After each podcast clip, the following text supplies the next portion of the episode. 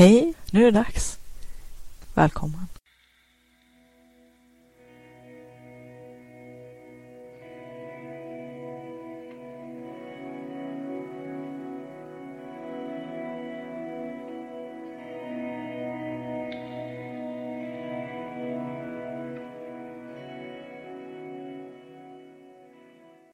Vill du uppleva mera kreativitet och flow, få mer kvalitetstid till ditt skapande och kreativa liv, mer energi och lust, tillgång till dina kreativa superkrafter?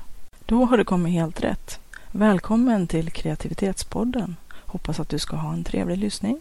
Hej och välkommen till Siddhartas kreativitetspodd avsnitt 30. Vi firar 30, det är jämnt. Halleluja!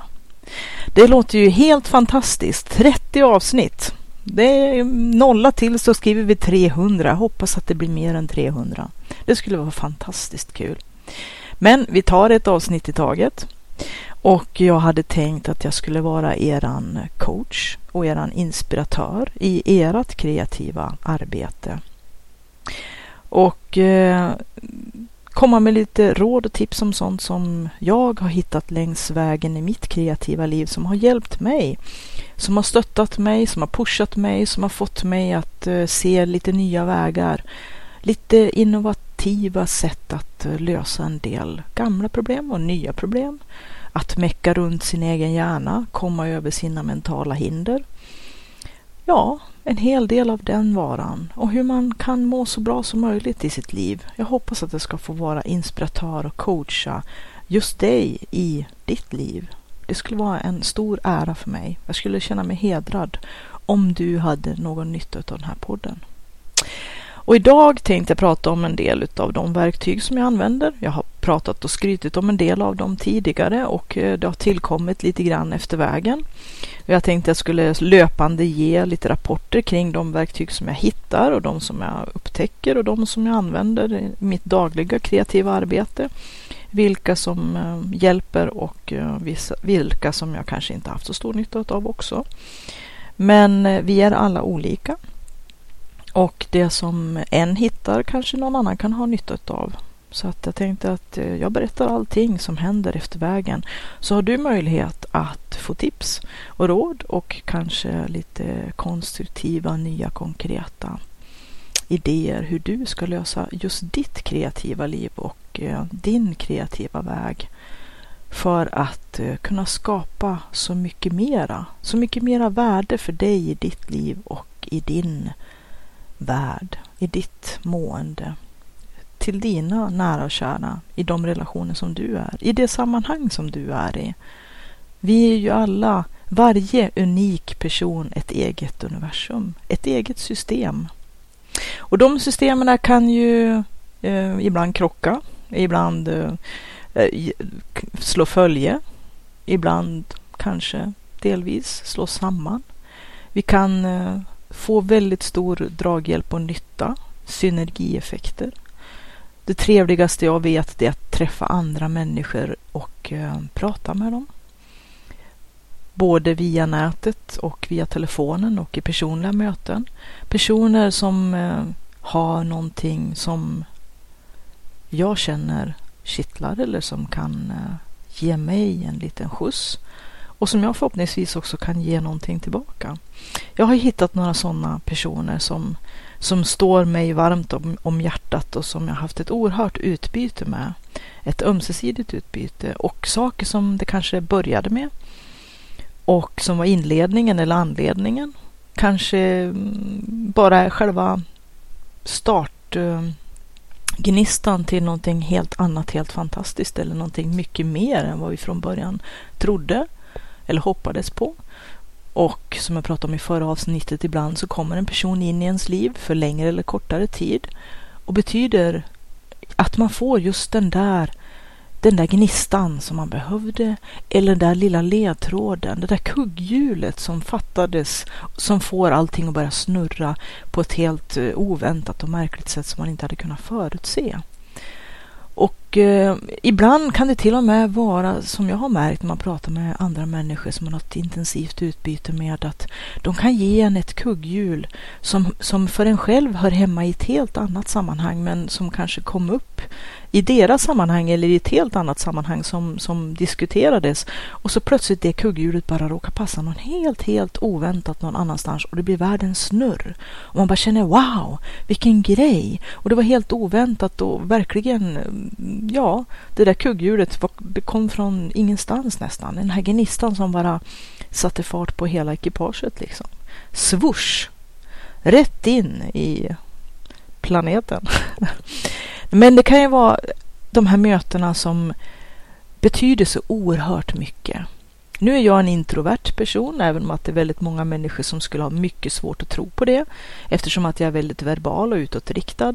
Men måttet på en introvert person, det är att de eh, visserligen kan vara oerhört, ehm, de behöver inte alls vara blyga och tillbakadragna. De kan vara, ofta är de faktiskt föreläsare och lärare coacher, sådana som pratar jättemycket med jättemycket människor och rör sig i sådana sammanhang, älskar att umgås med folk och, och både ge och få, dela med sig, den här det här ömsesidiga utbytet. Men de måste ha mycket återhämtning mellan varje sån här social interaktion. Och eh, tvärtom, extroverta personer, de får energi utav att umgås med människor. De behöver inte hem och ladda batterierna eh, liksom som introverta. Introverta kan ha, jätte, kan ha jättegivande möten. Jag har jätteofta jättegivande möten och träffar jättemycket människor. Men efter sådana intensiva perioder så behöver jag downtime. Då måste jag landa och ladda batterierna och sköta om mig själv, återhämtning och, och, och verkligen pyssla om mig själv och förstå att jag älskar att umgås med folk men däremellan behöver jag vila för att eh, ladda batterierna. En extrovert person är tvärtom. De får jättemycket energi av att umgås med människor och blir jätteladdade av det. Och det kan ju låta som att åh, de vinner allting. Varför ska de ha allt det bästaste? Men som med allting finns det både en fram och en baksida. Att extroverta personer Visserligen så blir de jätteladdade av att träffas, eh, träffa andra människor i sociala sammanhang. Det är då de får sin laddning, sin energi och deras energinivåer höjs. Men däremot att vara ensamma för dem kan vara oerhört eh, dränerande för deras energi. Och då menar jag inte människor som är, har separationsångest eller är rädda för att bli lämnade eller som inte har lärt sig att eh, klara sitt eget sällskap eller umgås med sig själv. Utan då menar jag att man helt enkelt märker att ens energinivå sänks av att vara ensam. Det är ju de extrovertas förbannelse kan man säga. Medan vi introverta då har den fördelen att vi, vi kan ladda våra, våra energidepåer och eh, ladda batteriet medan vi är ensamma. Och när vi gör saker för oss själva som, som vi trivs med att göra i, ja, i ensamhet. Vi är lite får dra oss tillbaka och kuckelmura i vårt lilla hörn med det som vi brinner för, om man har något speciellt intresse. Läsa, tänka, lyssna på ljudböcker eller poddar eller ja, bara sitta och filosofera i ett hörn, meditera eller whatever. Det kan vara en kopp te i soffan, inget märkvärdigt alls. Men den här stunden av ensamhet, ensamtid, det laddar en introvert och den introverta behöver det för att inte må dåligt. Ungefär som den extroverta måste träffa folk och vara i sociala sammanhang med vissa in, uh, intervall för att ladda sina batterier för att klara att vara ensam helt enkelt. Så vi är väldigt um, lika och samtidigt väldigt olika och det finns alltid en fram och en baksida. Nu är det väl tyvärr så att de extroverta utåt sett i samhället har alltid fått eh, alla poäng så att säga. Och många introverta kan eh, lära sig och lägga sig till med exakt samma beteende och eh, sätt som de extroverta men måste då lite grann eh, landa hemma och ladda batterierna och se till att planera in tid för bufferttid för att vara ensam. För ensamtid. Och då kan man väl tänka att de extroverta kan göra tvärtom, att de ser till att de mellan perioder när de måste vara ensamma så ser de till att få tid i sociala sammanhang så att de kan ladda sina batterier och inte helt sjunka ner i... Eh, när man har väldigt låga energinivåer då mår man ju verkligen inget bra. Så bara man kan försöka räkna ut hur man själv fungerar och hur man måste inrätta sitt liv och sig själv och sina egna eh, vanor och rutiner och vilket upplägg man ska ha så kan man ju faktiskt se till att må bättre. Och Eh, för mig är det att planera ganska mycket eh, buffertar mellan sådana här intensiva sociala saker. För både före och efter behöver jag ladda upp och återhämta mig och sådär. Och eh, tvärtom då får man väl förmoda för extroverta personer. De introverta personerna har ju den fördelen att de oftast är duktiga på att eh, ta in och filtrera väldigt mycket information och kunskap. Det är oftast därför de hamnar i lite som man kan tycka paradoxalt i yrken som har med att föreläsa som lärare, som coacher, att försöka hjälpa andra personer eftersom att de har ackumulerat så mycket kunskap och läst sig till så mycket och lärt sig så mycket som också andra personer har stor glädje av att ta del av.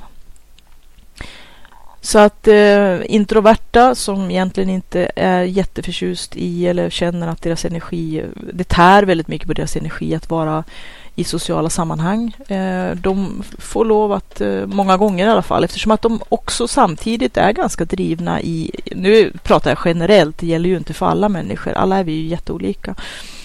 Men eh, generellt sett att de ofta också gärna vill eh, eh, förmedla den här kunskapen och det här som de har, har samlat till andra. Det är ju också ett sätt, som för mig till exempel, att ta del av i, i utbyte så att säga, alla andras erfarenhet och kunnande. Att det här med att möta och träffa andra människor, ett fantastiskt sätt att få veta mer och få de här de här kugghjulen, de här sista mm, missade länkarna som man själv kanske inte har tillgång till, att plötsligt hamna på plats. Att det, eh, det kan vara nyckeln som låser upp låset eller låser upp många lås. Så att eh, jag tror att introverta är inte bara drivna ut, utav att vilja förmedla och dela det de har samlat och filtrerat och den kunskap och det de har ackumulerat fram och att de oftast är eh, ganska pedagogiska. Eh, nu, eh, som sagt, jag pratar jättegenerellt.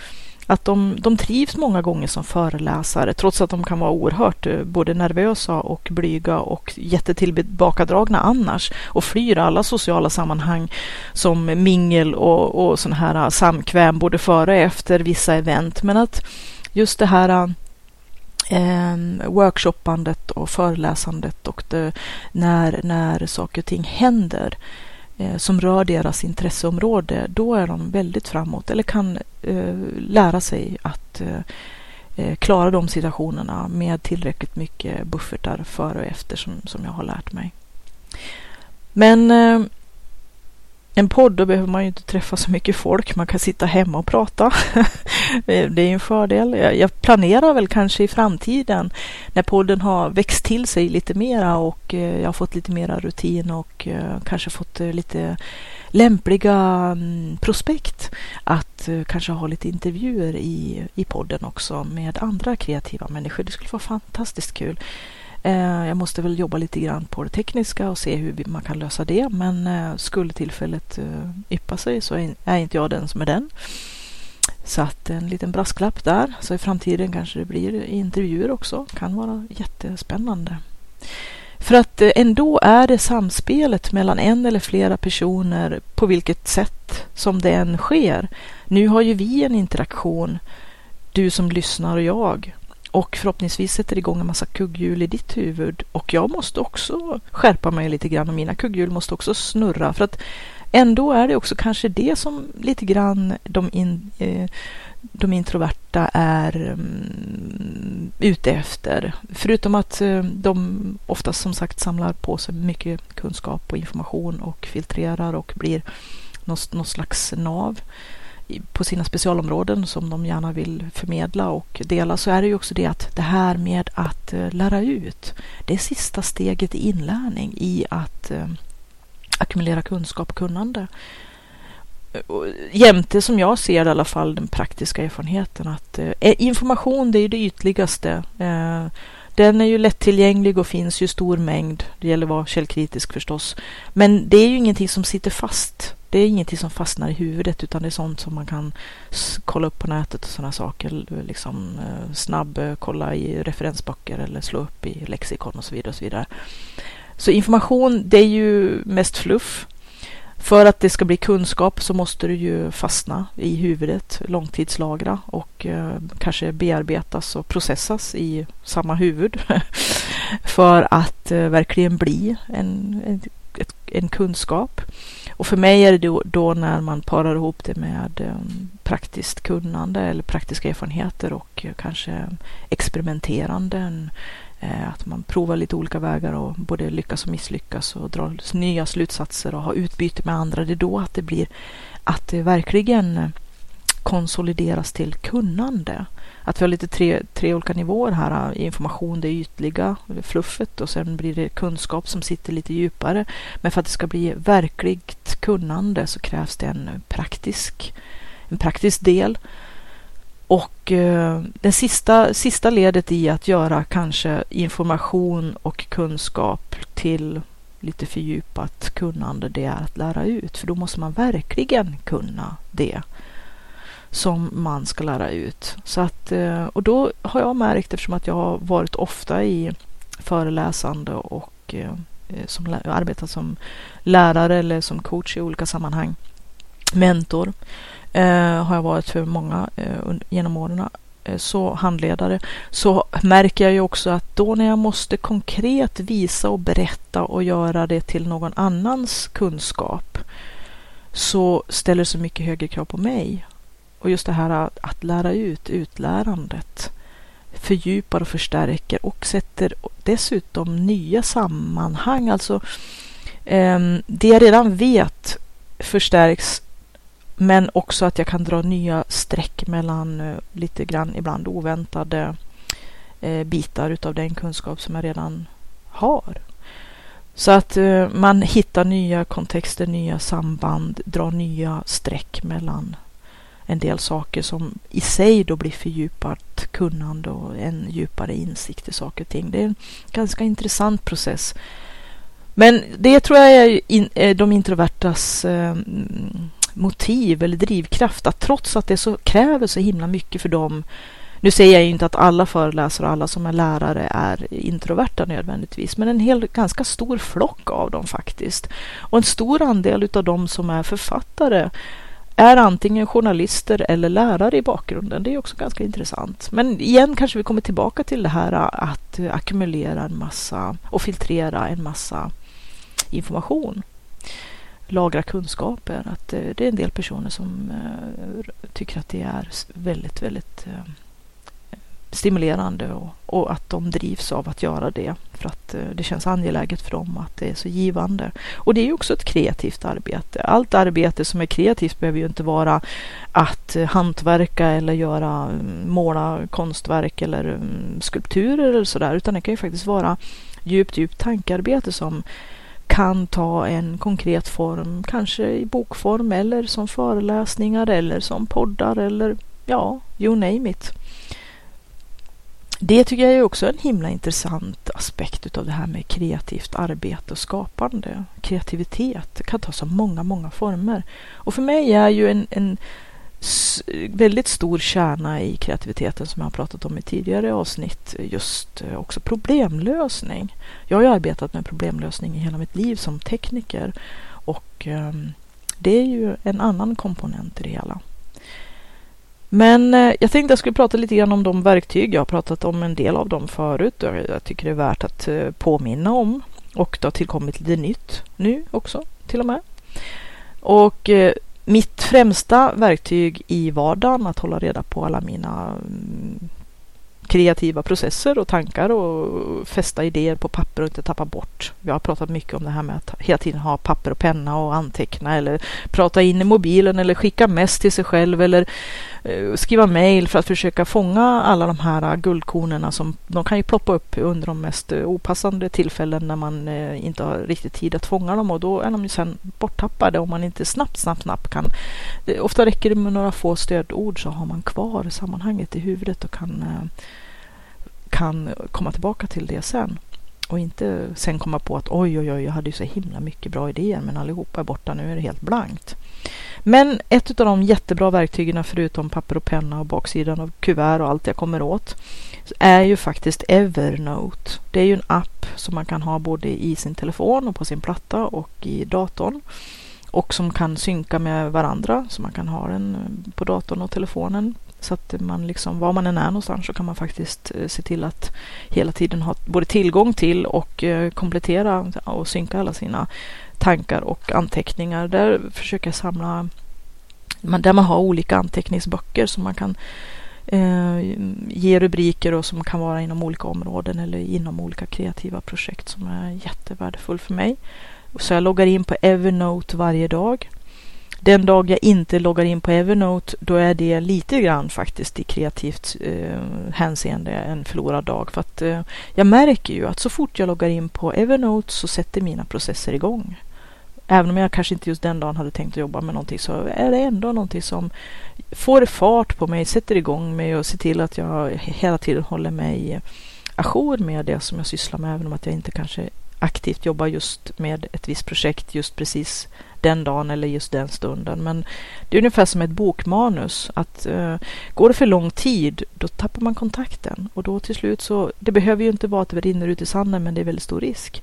Så det bästa är att även när man inte ens skriver eller så, gå in och bara läsa lite grann, redigera lite här och där, hålla på och små fippla lite grann helt enkelt för att behålla kontakten och inte tappa minnet kring det man håller på med. Det, så, det, går så fort att förlora kontakten med när det gäller kreativt arbete och kreativa processer. Det, går, det är ungefär som träning i och för sig. Eh, man vinner det snabbt och förlorar det fort, men eftersom att det går i båda riktningarna så så fort man sätter igång så har man tillbaka nästan direkt allting. Men just det här att hela tiden hålla kontakten med sina, sina kreativa projekt gör att man, eh, jag känner mig mycket mer tillfreds och eh, det lockar och pockar och jag automatiskt blir det att jag liksom håller på lite och fipplar med grejer hela tiden och då liksom så jobbar man ju så att projektet kommer framåt en hel del utan att man egentligen behöver göra så stor sak av det. För att det är väl då jag kan också känna att det blir så himla tungt när man ska liksom nu ska jag sätta mig ner och ha en skrivsession på tio timmar. Åh, vad jag är motiverad. Inte. Men om jag känner att, äh, ja, Eh, bara öppna dokumentet och så ska jag bara titta lite grann.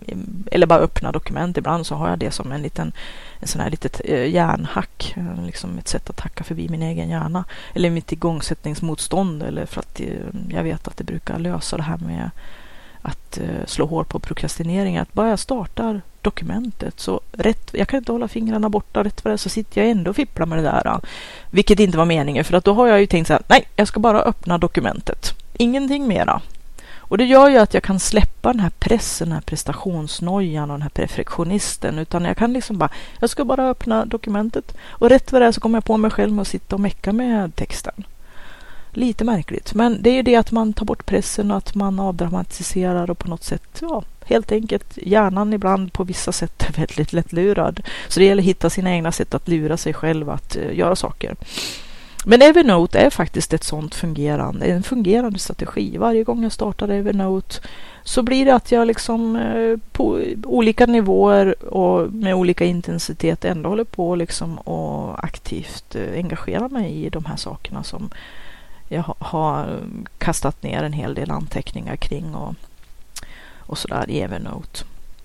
Förutom att man också får ett, en chans att uh, lätta på lasten för att ibland är det jobbigt att hålla så himla mycket saker i arbetsminne. För att jag tror att vi många gånger gör oss själva en björntjänst genom att vi liksom ska hålla på och uh, komma ihåg grejer hela tiden. Allt ifrån sånt som är jätteviktigt och sådana tider man måste passa till en massa bjäfs och sånt som bara belastar. Arbetsminnet är ganska litet och genom att vi hela tiden måste hålla på och bolla då de här grejerna som vi måste komma ihåg så blir vi jättestressade. Då är det bättre att ha Google kalender som jag använder där man kan sätta larm och där man kan föra in saker och ting som man måste mm, göra enligt eh, kalendertid på vissa dagar, på vissa tider och sådär.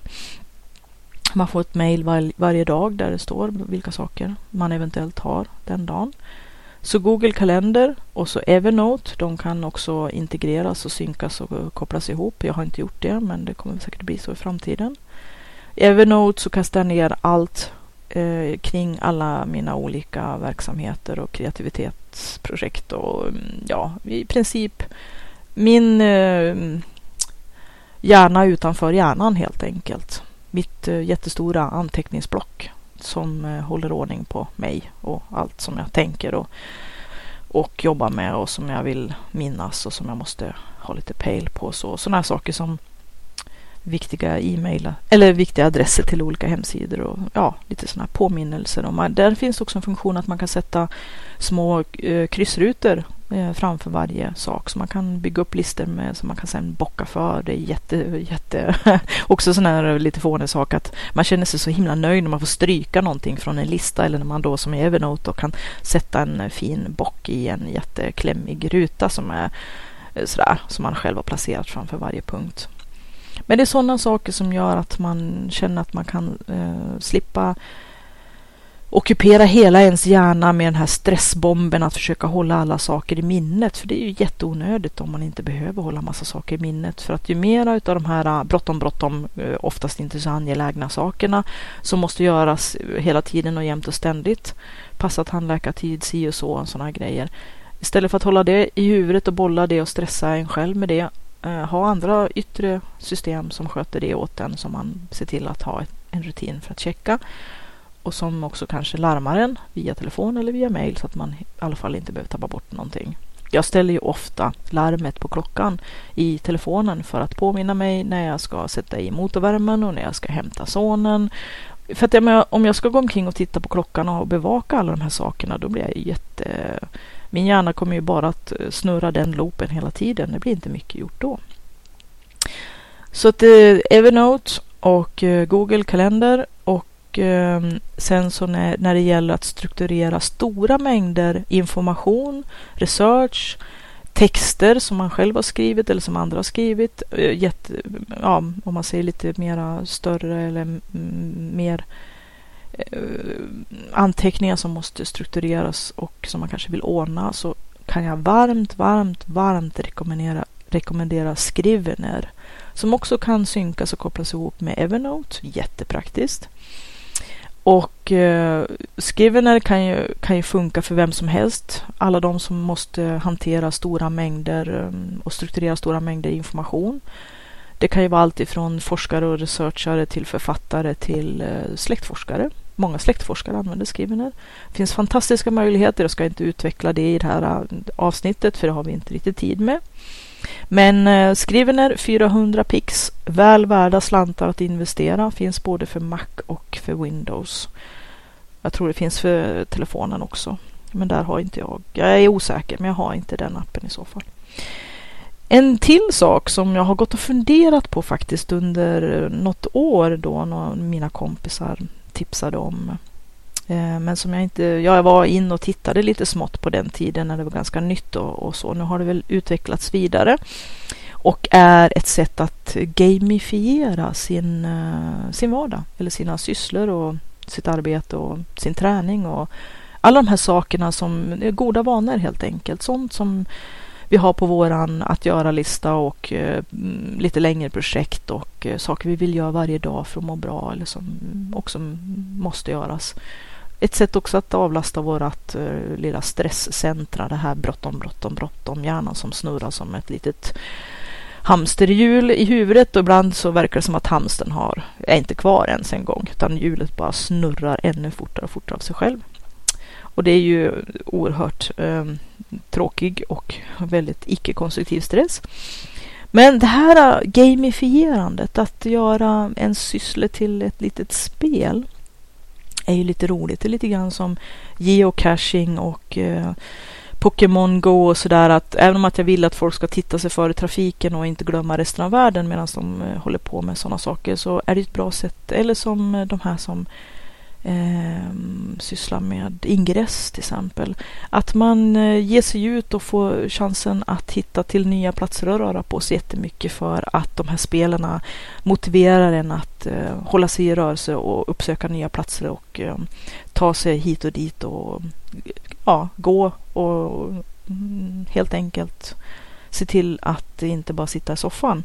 De är ju jättebra som sagt så länge man fortfarande har koll på verkligheten och inte kliver rätt ut i en korsning med telefonen tryckt mot eh, nyllet som en del gör. Eh, men det här med att eh, gamifiera, att göra lite spel av saker som vi tycker är skittråkiga, som till exempel eh, motion eller sysslor som vi måste göra. Eh, en del sysslar ju intensivt med att ha stegmätare som de hänger på Eh, kläderna och så räknar hur mycket steg de tar. Det är jättebra. 10 000 steg om dagen är jättebra för att eh, hålla hälsan uppe. Eller skaffa sånt här pulsarmband eh, eller som man sätter runt bröstkorgen för att mäta pulsen. Och eh, också med telefonen man kan ha appar för att mäta eh, vilka promenader eller om man har joggat eller vilka sträckor man har tränat eller vilka tider man har tränat som den här loggar så man kan liksom hålla koll på sig själv. Det är lite motiverande att se att man liksom typ bockar i sina kryssrutor som man själv har bestämt hur ofta man ska göra saker och ting.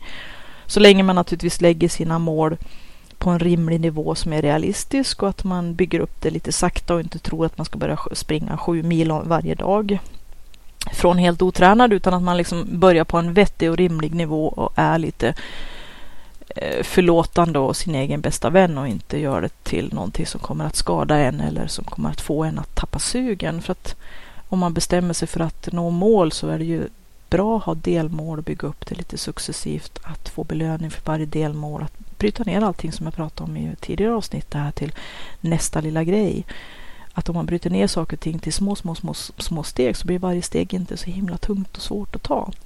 Men också att man har rimliga krav på sig själv så att man inte efter att ha bestämt att man aldrig mer i hela sitt liv i, ever kommer att ta en enda godisbit mer och så tar man en godisbit och så sen så tycker man att man kan skita i eh, rubb och stubb alltihopa och bara ge upp allting för man är så värdelös.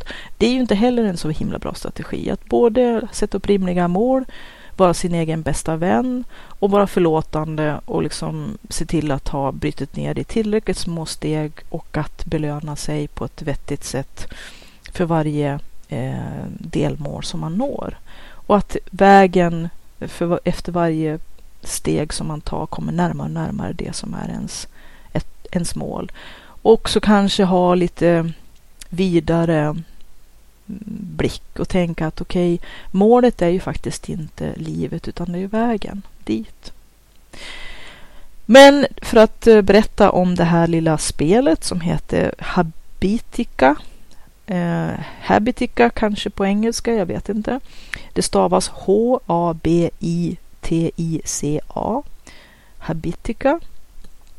Och eh, det är ett eh, på ett sätt och vis lite sådär smågulligt och småfånigt spel eftersom att man har en liten gubbe som man kan få liksom mera utrustning och kläder och svärd och skydd och man kan få husdjur och man kan få djur som man kan rida på och man kan få bättre och bättre och bättre grejer och sådär.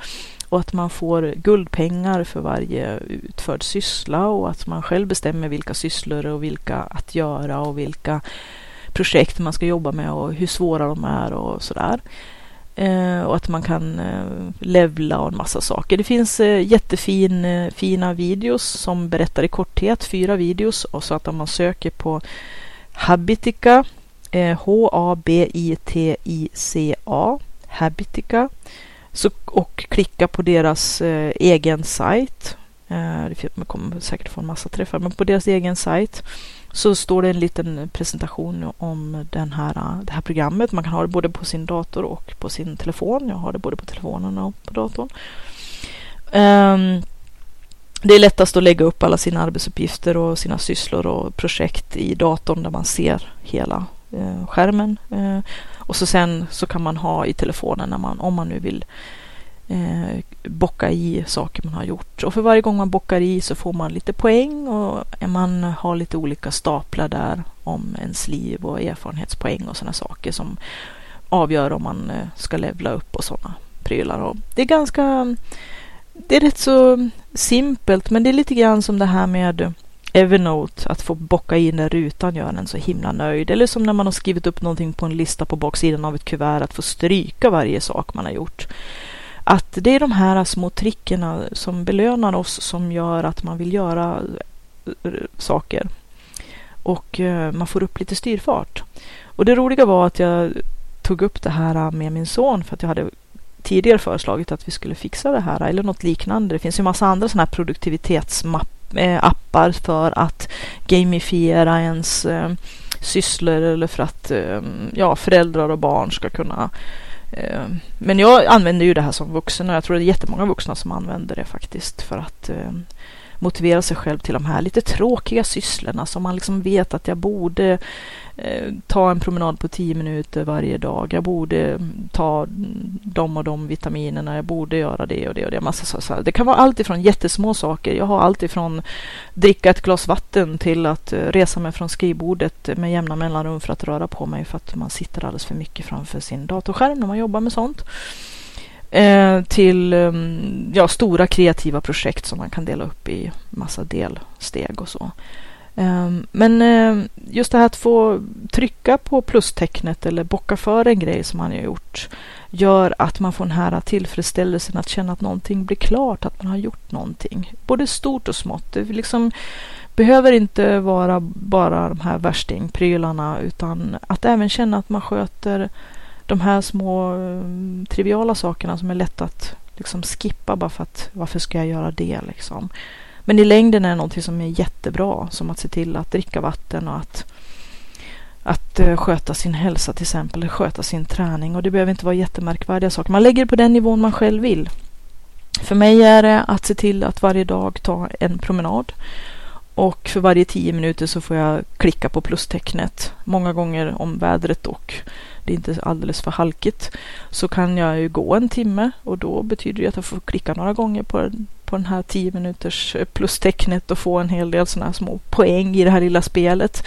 Och eh, jag och sonen, vi har lagt till varandra som vänner för att eh, han tyckte att det här var en himla kul grej. Och det som jag märkte då när han började lägga, lägga upp sina sysslor och jag kom med lite olika förslag och att det blev, nu säger jag hela tiden till honom att vi tävlar inte mot varandra, för det, jag tycker inte om det här med tävling och prestationspress och noja och allt vad det är för någonting. Men att han liksom tyckte att det var så himla kul att se att man fick poäng och levla och kunde köpa lite, eh, lite mera utrustning till den här gubben då. Ehm, eller gumman eh, som jag har, eh, genom de här guldslantarna som man får när man har skött sig och gjort sina sysslor. Så att han, han började plötsligt ta in ved och göra en massa saker alldeles eh, för att han skulle få trycka på plustecknet och få lite mera poäng i det här spelet. Och jag bara tänkte wow, liksom vilken grej.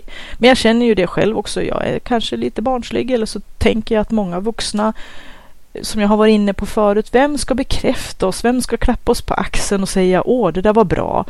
För alla de här sakerna som vi faktiskt behöver uppmuntran.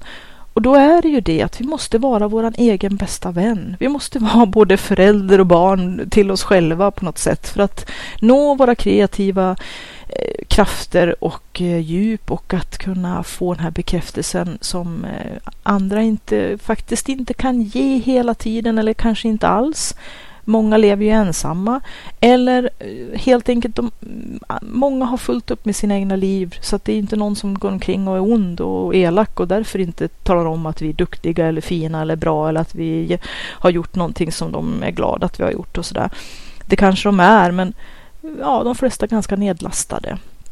Så då måste vi hitta på de här kanske lite fåniga systemen för att eh, belöna oss själva utan att det blir någonting som inte är... Det är inte så hälsosamt att bjuda sig själv på en karamell varenda gång man har gjort något bra för det kommer inte att vara så bra för hälsan eller tänderna. Och det kanske inte är så bra att eh, se cigaretter eller annat eh, onyttigt som någonting eh, som en belöning utan att liksom försöka belöna sig på andra sätt.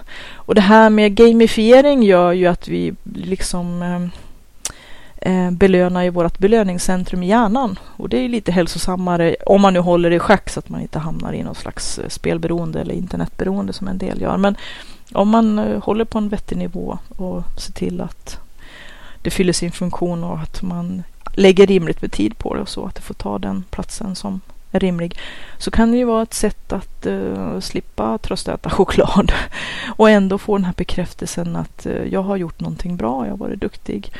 Och att man kan se resultaten på skärmen. Eller liksom att man, eh, för att om jag borstar tänderna idag och dricker vatten idag och går tio minuters promenad idag eller kör mitt lilla yogapass idag eller sitter och gör mitt kreativa tankearbete 10 minuter som jag får poäng för i Habitica eh, nu. Om jag gör det idag så är det något som inte syns imorgon. Det är kanske lite grann det också, att vi vill liksom se någonting växa. Och sen om det är lite fåniga gubbar med svärd och, och, och hjälm med horn och eh, att man kan få en gulddrake som man kan rida på och, och det ena med det andra. Och att man kan få olika guldpengar. Man kan till och med också göra sina egna belöningar. Så att jag har en liten jag ska väl utveckla det där lite mer, att istället för att köpa eh, en, eh, ett nytt svärd eller en ny hjälm eller en, det finns en massa olika saker. Man kan ju få eh, sådana här drakägg och eh, sådana här magiska drycker och lite sådana här saker som man kan laborera med och ha lite kul med i det här programmet också. Men man kan också skapa sina egna belöningar. Så att om man, jag har fått ihop tio guldpengar så kan jag få någonting som jag själv bestämt. Så att man kan göra en hel egen lista med små belöningar. Och vill det vara, skulle det vara kanske någon stor belöning så kanske många guldpengar. Och då har man ju lite motivation att försöka nöta ihop de där guldpoängerna då. Så att eh, man kan både spela spelet och man kan själv sätta upp sina egna små ehm, eh belöningar som kan motivera en att eh, jaga vidare och nöta på lite grann sådär.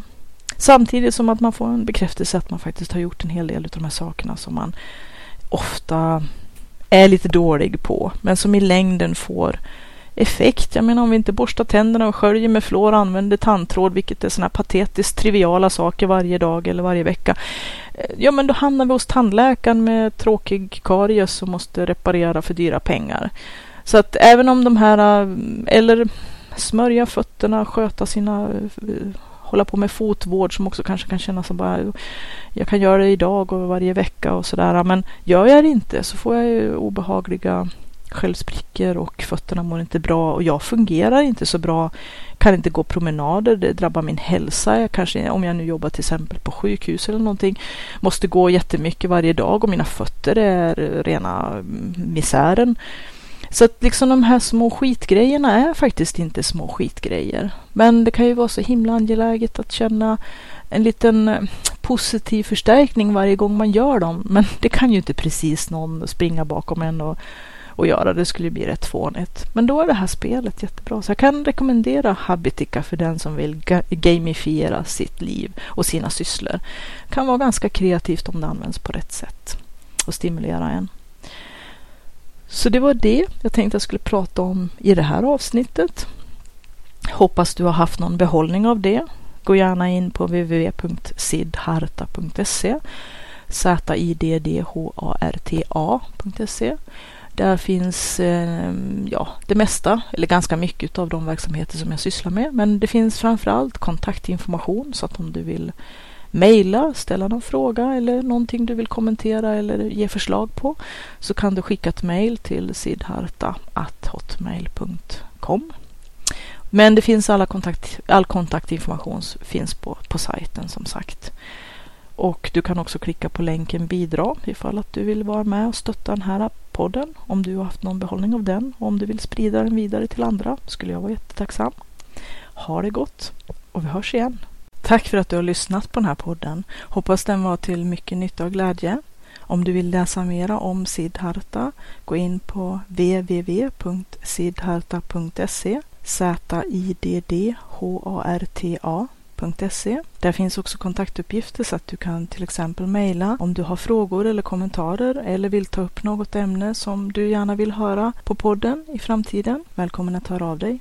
Kreativitetspodden har också en egen Facebookgrupp så att om du söker på kreativitet eller kreativitetspodden så hittar du kreativitetspodden på Facebook. Anmäl dig gärna där som följare så får du uppdateringar löpande om nya avsnitt och saker som händer på kreativitetsfronten. Du kan också gå in på www.sidharta.se och klicka på länken högst upp till vänster bidra för att se vad du kan göra för att hjälpa den här podden att fortleva och att visa ditt stöd. Så gå in där på bidra så ser du hur det går till. Jag som driver kreativitetspodden heter Katrin Sidharta Tangen och jag är författare, järnsmed, driver www.sidharta.se och Sidhartas webbutik jag har skrivit flera böcker, bland annat Skapa och sälj som är en handbok för entreprenörer, kreativa och skapande människor. Jag har skrivit Forntida järn, Ancient Iron, som handlar om forntida järnframställning och eh, vikingatida järnsmide. Jag har även skrivit Pitch 13 som är en serie i genren Dark Urban Fantasy och eh,